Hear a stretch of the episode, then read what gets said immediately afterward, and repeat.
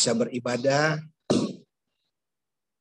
pada sore hari ini. Semua karena anugerah Tuhan. Puji Tuhan, tidak berlambatan firman Tuhan pada sore hari ini.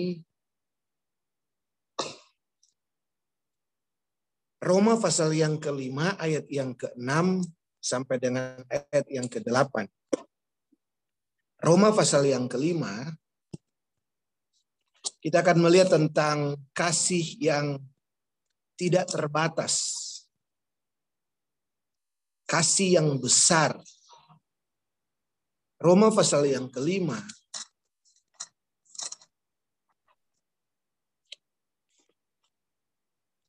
Kasih tanpa syarat.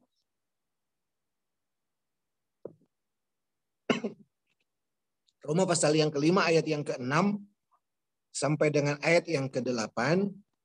Demikian firman Tuhan. Karena waktu kita masih lemah, Kristus telah mati untuk kita orang-orang durhaka pada waktu yang ditentukan oleh Allah. Sebab tidak mudah seorang mau mati untuk orang benar. Tetapi mungkin untuk orang yang baik ada orang yang berani mati. Akan tetapi Allah menunjukkan kasihnya kepada kita. Oleh karena Kristus telah mati untuk kita ketika kita masih berdosa. Haleluya. Puji Tuhan. Nah, saudara-saudara yang kekasih dalam Tuhan, ayat 9 kalau kalau saudara lanjutkan ayat 9 itu eh, gradasi dari keadaan gereja Tuhan dikatakan lebih-lebih karena kita sekarang yang telah dibenarkan oleh darahnya, kita pasti akan diselamatkan dari murka Allah. Jadi Rasul Paulus katakan bahwa ketika kita masih berdosa sekalipun, Tuhan sudah mati buat saudara dan saya. Jadi apa saudara yang eh, dosa kita yang paling besar? Ada ada dosa saudara yang saudara oh saya besar sekali kayaknya susah untuk diampuni. Firman Tuhan katakan di sini bahwa ketika kita masih berdosa pun Tuhan sudah mati buat saudara dan saya. Terlebih-lebih kata ayat 9, sekarang kita yang telah dibenarkan oleh darahnya, kita pasti akan diselamatkan dari murka Allah. Nah, saudara-saudara yang kekasih dalam Tuhan, Roma pasal 5 ayat yang ke-6 sampai dengan ayat yang ke-8 sangat terkenal dengan istilah unconditional love atau kasih yang tidak bersyarat. Kasih yang tidak bersyarat. Artinya bahwa Tuhan mengasihi saudara, Tuhan mengasihi umat. Bahkan ketika saudara dan saya masih ada di dalam dosa. Jadi betul-betul kasihnya itu dibagikan saja.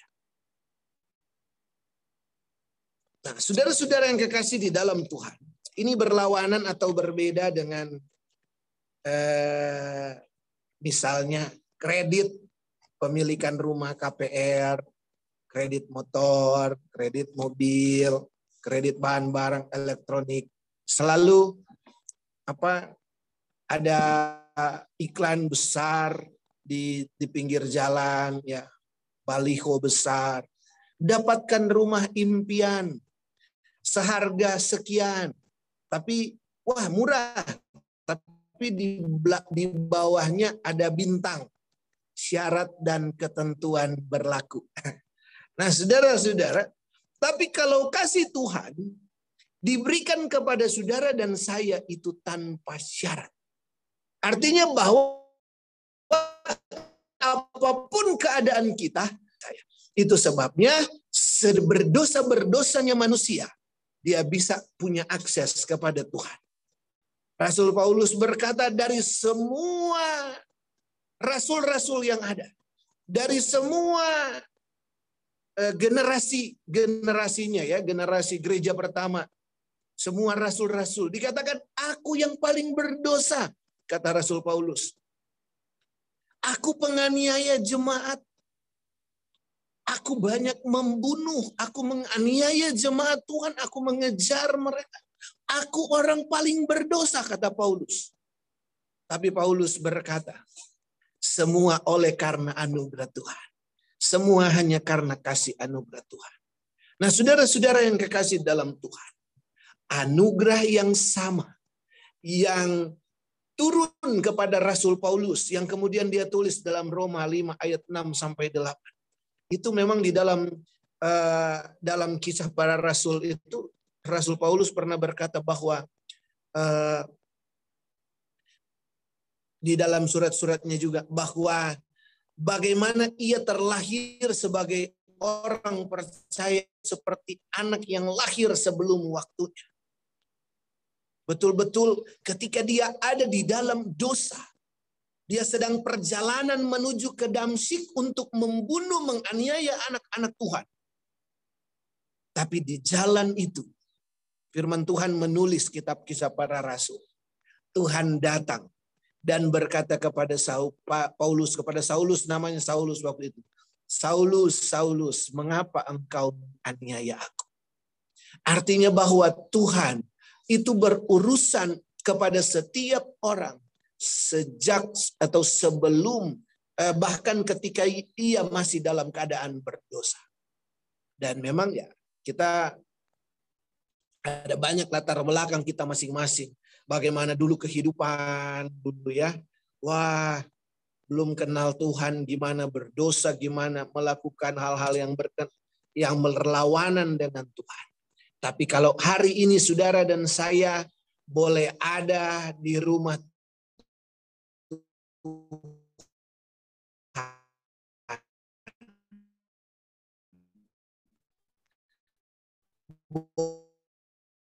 boleh ada di kaki Tuhan, saudara dan saya. Nah, saudara-saudara yang kekasih dalam Tuhan. Dalam istilah yang lain, kasih Tuhan yang diperlihatkan oleh Tuhan adalah ketulusannya Tuhan. Memberi saja. Bahkan firman Tuhan katakan, ia telah mati ketika saudara dan saya masih berdosa. Nah, saudara-saudara yang kekasih di dalam Tuhan. Jadi kasih Allah itu adalah kasih yang kuat. Ada lagi yang katakan kasih tanpa batas.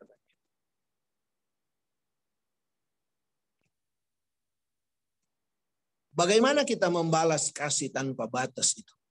Bagaimana saudara dan saya harus membalas kasih yang luar biasa? Berbeda dengan manusia. Kalau manusia kan ah kalau dia baik sama kita, ya udah kita baik sama dia. Kalau dia jahat sama kita, ya kita juga abaikan saja. Kasih yang bersyarat.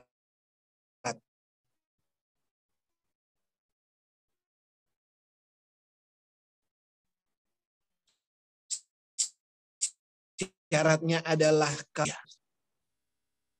kalau orang itu baik, baru kita baik. Tetapi di sini saya percaya bahwa Allah ingin supaya kita belajar tentang kasihnya. Yesus datang ke dalam dunia, Yesus ajarkan. Kasihilah Tuhan Alamu dengan segenap hatimu. Segenap jiwamu, segenap kekuatanmu, segenap agal budimu. Dan hukum yang kedua, yang sama seperti itu kasihilah sesamamu manusia. Kenapa Yesus menyuruh kita melakukan itu? Karena Yesus sudah melakukan itu. Allah mengasihi manusia ketika manusia masih di dalam dosa. Bagaimana kita membalas kasih yang begitu besar?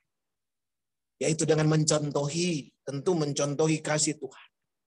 Walaupun mungkin kita tidak sempurna. Kasih memang firman Tuhan katakan kasih itu sempurna. Kasih saja yang sempurna. Iman, pengharapan, dan kasih. Yang terbesar di antara itu adalah kasih. Kasih artinya memberi. Nah saudara-saudara, ada beberapa hamba Tuhan yang di dalam Alkitab yang memperlihatkan tentang bagaimana mereka sanggup membalas kasih Tuhan. Salah satu contoh Abraham. Kejadian pasal yang ke-22. Kejadian pasal 22 itu saudara dan saya tahu cerita itu tentang kepercayaan Abraham diuji. Nanti saudara bisa baca ya ayat 1 sampai dengan ayat yang ke-19. Tapi ayat yang 11 kita lihat di sana. Tetapi berserulah malaikat Tuhan dari langit kepadanya. Abraham, Abraham, sahutnya, ya Tuhan. Lalu ia berfirman, jangan bunuh anak itu dan jangan kau apa-apakan dia. Sebab telah ku ketahui sekarang bahwa engkau takut akan Allah dan bahwa engkau tidak segan-segan untuk menyerahkan anakmu yang tunggal kepada Lalu Abraham menoleh dan melihat seekor domba jantan di belakangnya yang tanduknya tersangkut dalam belukar. Abraham mengambil domba itu lalu mengorbankannya kepada kor sebagai korban bakaran pengganti anaknya. Dan Abraham menamai tempat itu Tuhan menyediakan. Sebab di, di sebab itu sampai sekarang dikatakan orang di atas gunung Tuhan akan disediakan. Ayat 14 ada kata di sana Tuhan menyediakan. Abraham menyamai tempat itu Tuhan menyediakan. Dalam bahasa Ibrani-nya Jehovah Jireh. Allah yang menyediakan. Di kalangan kita gereja-gereja tentu banyak yang sudah tahu kan terkenal sekali. Jehovah Jireh. Di mobil, di, suka ditempel di kaca-kaca mobil belakang, saya suka baca. Jehovah Jireh. Allah yang menyediakan. Saudara-saudara, kalau saya membaca itu, bahkan ada lagu ada lagu-lagu tentang Jehovah Jireh.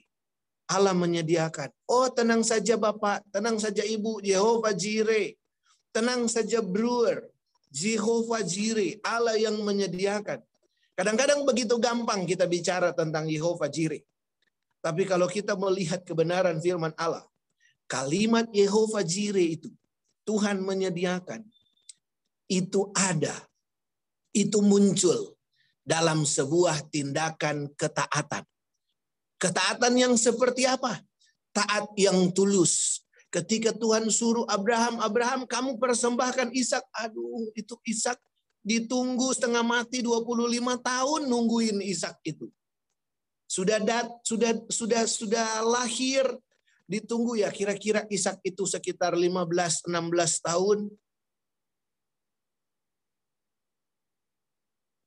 Sudah agak lama di apa dirawat, dijaga, sekarang Tuhan bilang persembahkanlah ampun. Tapi saudara-saudara, Abraham melangkah di dalam ketaatannya. Dan ini memang tindakan-tindakan seperti ini adalah tindak uh, firman Tuhan katakan di sini ayat yang ketiga ayat yang ke-12 lalu ia berfirman jangan bunuh anak itu dan jangan kau apa-apakan dia sebab telah ku ketahui sekarang bahwa engkau takut akan Allah dan engkau tidak segan-segan untuk menyerahkan anakmu yang tunggal kepadaku. Bahkan ada janji-janji Tuhan ayat yang ke-16 itu. Katanya, aku bersumpah demi diriku sendiri. Demikian firman Tuhan. Karena engkau berbuat demikian. Jadi ada ada ada eh, apa balasan yang diberikan oleh Abraham yang diperlihatkan Abraham kepada kepada Tuhan. Bagaimana di dalam kesetiaannya kepada Tuhan.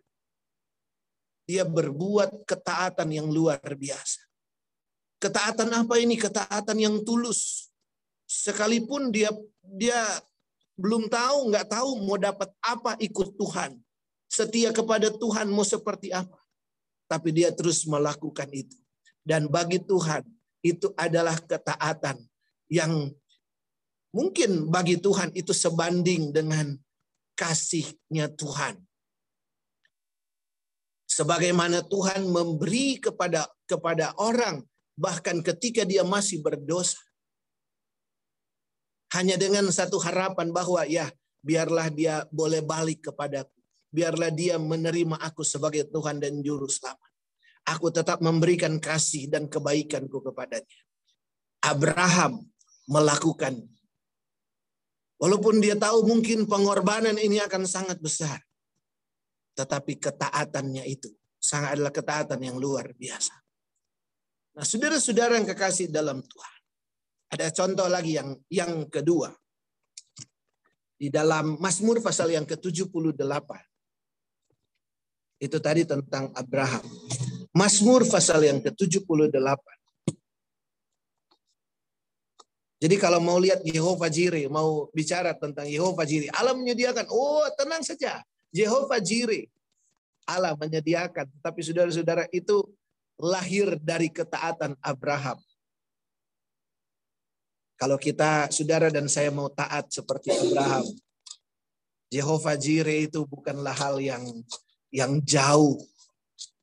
Seketika itu juga Tuhan ada bersama-sama dan menampakkan kasihnya sama seperti kepada Abraham. Tapi kadang-kadang kita malah nyalahin Tuhan aja. Apa sih Tuhan nggak tolong-tolong saya Tuhan ya? Kenapa? Orientasinya kepada diri sendiri. Tetapi Abraham berorientasi kepada Tuhan. Pokoknya aku mau lakukan untuk Tuhan. Aku mau setia kepada Tuhan. Luar biasa. Biar kita mencontoh iman Abraham. Mazmur 78 ayat yang ke-70.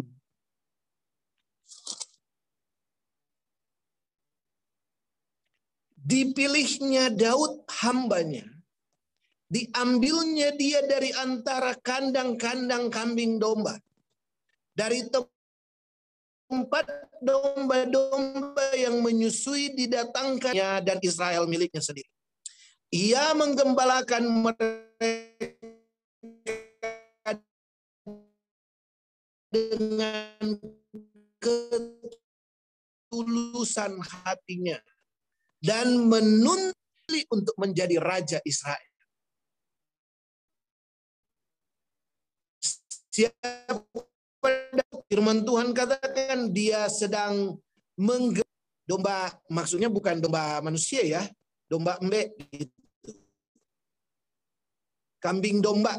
Dia sedang menggembalakan kambing domba. Dikatakan ayat 70. Dipilihnya Daud hambanya. Diambil dia dari antara kandang-kandang kambing domba. Ayat 72. Dalam bekerja, ia menggembalakan mereka, kambing domba ayahnya, dengan ketulusan hati hatinya. Nuntun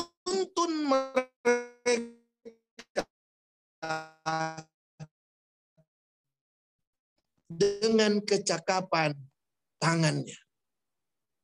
Tapi seorang Daud yang tulus dan cakap yang sedang ada di dalam di yang sedang menggembalakan kambing domba dari ayahnya.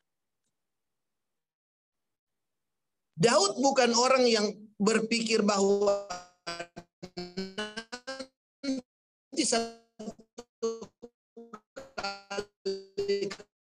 kali apakah dia ada pun ada kakak eh, ada kakaknya dari Daud ya yang adalah tentara dari Saul. Ketika Daud tiba di medan pertempuran pun kakaknya marah. Ngapain kamu ada di sini? Pergi kamu pulang, kamu jaga tuh domba bapak, bapak yang cuma satu dua ekor itu.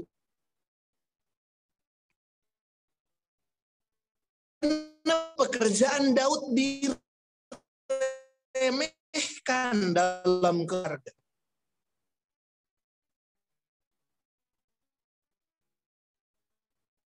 Ketika Samuel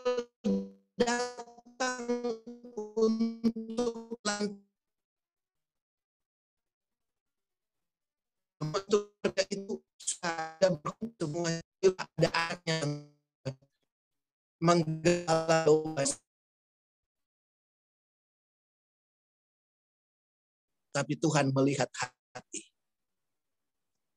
Isai pun begitu. Dia sodorin semua yang oh ini anakku yang ini yang bagus, anakku yang ini yang ini. Tapi ternyata dia lupa. Entah lupa apa sengaja. Membiarkan ada satu anaknya padahal harusnya semua anak dipanggil. Tapi dia biarin ada di kandang, dia biarin sedang menjaga ternaknya karena cuma satu ekor. Tetapi yang dilihat oleh Tuhan adalah hati. Yang dikatakan di sini, ada yang hati yang tulus dan tentu dengan kecakapan tangan. Kalau saudara dan saya mau melayani Tuhan, kita melayani dalam ketulusan. Tuhan sudah memberikan kasihnya yang tan yang yang luar biasa, terbatas, kasih yang menjangkau bahkan ketika saudara saya masih berdosa. Tetapi mari kita mau setia kepada Tuhan. Seperti Abraham, seperti Daud yang tulus. Tentu dengan talenta-talenta yang saudara dan saya punya. Ada kekuatan sebetulnya kita. Ada kemampuan kita. Bahkan seorang uh, yang paling lemah pun dia punya kekuatan yang belum tentu orang lain bisa kerjakan. Ada seorang ada seorang ibu janda yang tidak bisa dianggap remeh karena doanya begitu kuat. Ada ada seorang yang mungkin tidak dipandang tetapi dia punya kelebihan di hadapan Tuhan. Saya percaya saudara-saudara juga punya kekuatan yang berbeda dengan kita bukan bersaing, tetapi ada saling melengkapi. Bagi saya, saya ada memiliki hal-hal yang bisa saya kerjakan, tapi ada yang tidak bisa. Tapi itu ada pada saudara. Yang penting adalah bagaimana kita melayani Tuhan. Bagaimana kita bekerja buat Tuhan. Bagaimana kita membalas anugerahnya walaupun tidak bisa kita membalas anugerah Tuhan yang kalau Tuhan mengasihi kita ketika kita masih berdosa. Kalau kita ya sudah kita menerima Tuhan karena Tuhan sudah baik buat kita. Gitu. Tapi saudara-saudara yang kekasih dalam Tuhan. Kalau kita mau berjalan di dalam Tuhan dalam ketulusan, kemudian kita menggunakan semua apa yang bisa kita lakukan untuk melayani Tuhan. Seperti Daud, ia menggembalakan mereka dengan ketulusan hatinya dan menuntun mereka dengan kecakapan tangannya. Saya percaya ibu-ibu tidak kalah dengan bapak-bapak. Ada banyak hal yang ibu-ibu bisa lakukan, bapak-bapak tidak bisa lakukan. Tapi ada juga yang ibu-ibu tidak bisa lakukan, bapak bisa lakukan. Ada yang orang tua bisa lakukan, tapi anak-anak tidak bisa lakukan. Sebaliknya juga ada yang anak-anak tidak bisa lakukan, tapi orang tua bisa lakukan. Mari kita mau melayani Tuhan. Mari kita mau setia kepada Tuhan. Apa pun yang uh, sedang terjadi sekarang, tetap melayani Tuhan. Tentu apalagi kalau sekarang masih zaman pandemi. Tapi mari kita mau bijaksana. Tuhan memberikan kita akal pikiran untuk bekerja bagi Tuhan. Gimana caranya? Pokoknya kita menyenangkan Tuhan. Kita memuliakan Tuhan. Di mana? Di mana pun kita berada. Dalam saudara bekerja, di rumah tangga, pergaulan kita, dalam apa pun kita. Jadilah orang-orang yang sudah pernah merasakan anugerah Tuhan yang besar, yang menyadari kasih Tuhan yang luar biasa. Dan kemudian marilah kita mulai mewujudkan kasih. Kasih yang sama, sekalipun kadarnya tentu berbeda kalau Tuhan kan sangat luar biasa. Tetapi seberapa kuat kita melakukan, seberapa bisa apa yang bisa saudara dan saya lakukan. Mari kita mau melakukan, mau mulai mempraktekkan kasih itu dalam ketulusan dan disertai dengan kecakapan segala kekuatan yang Tuhan sudah anugerahkan buat saudara dan saya. Puji Tuhan, Tuhan Yesus memberkati kita dengan kebenaran firman Tuhan. Kita tundukkan kepala.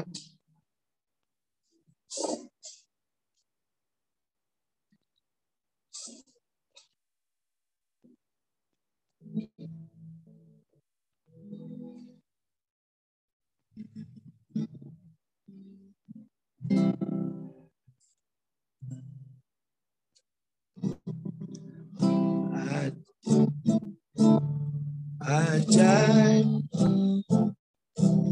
ajaib kau Tuhan penuh kuasa.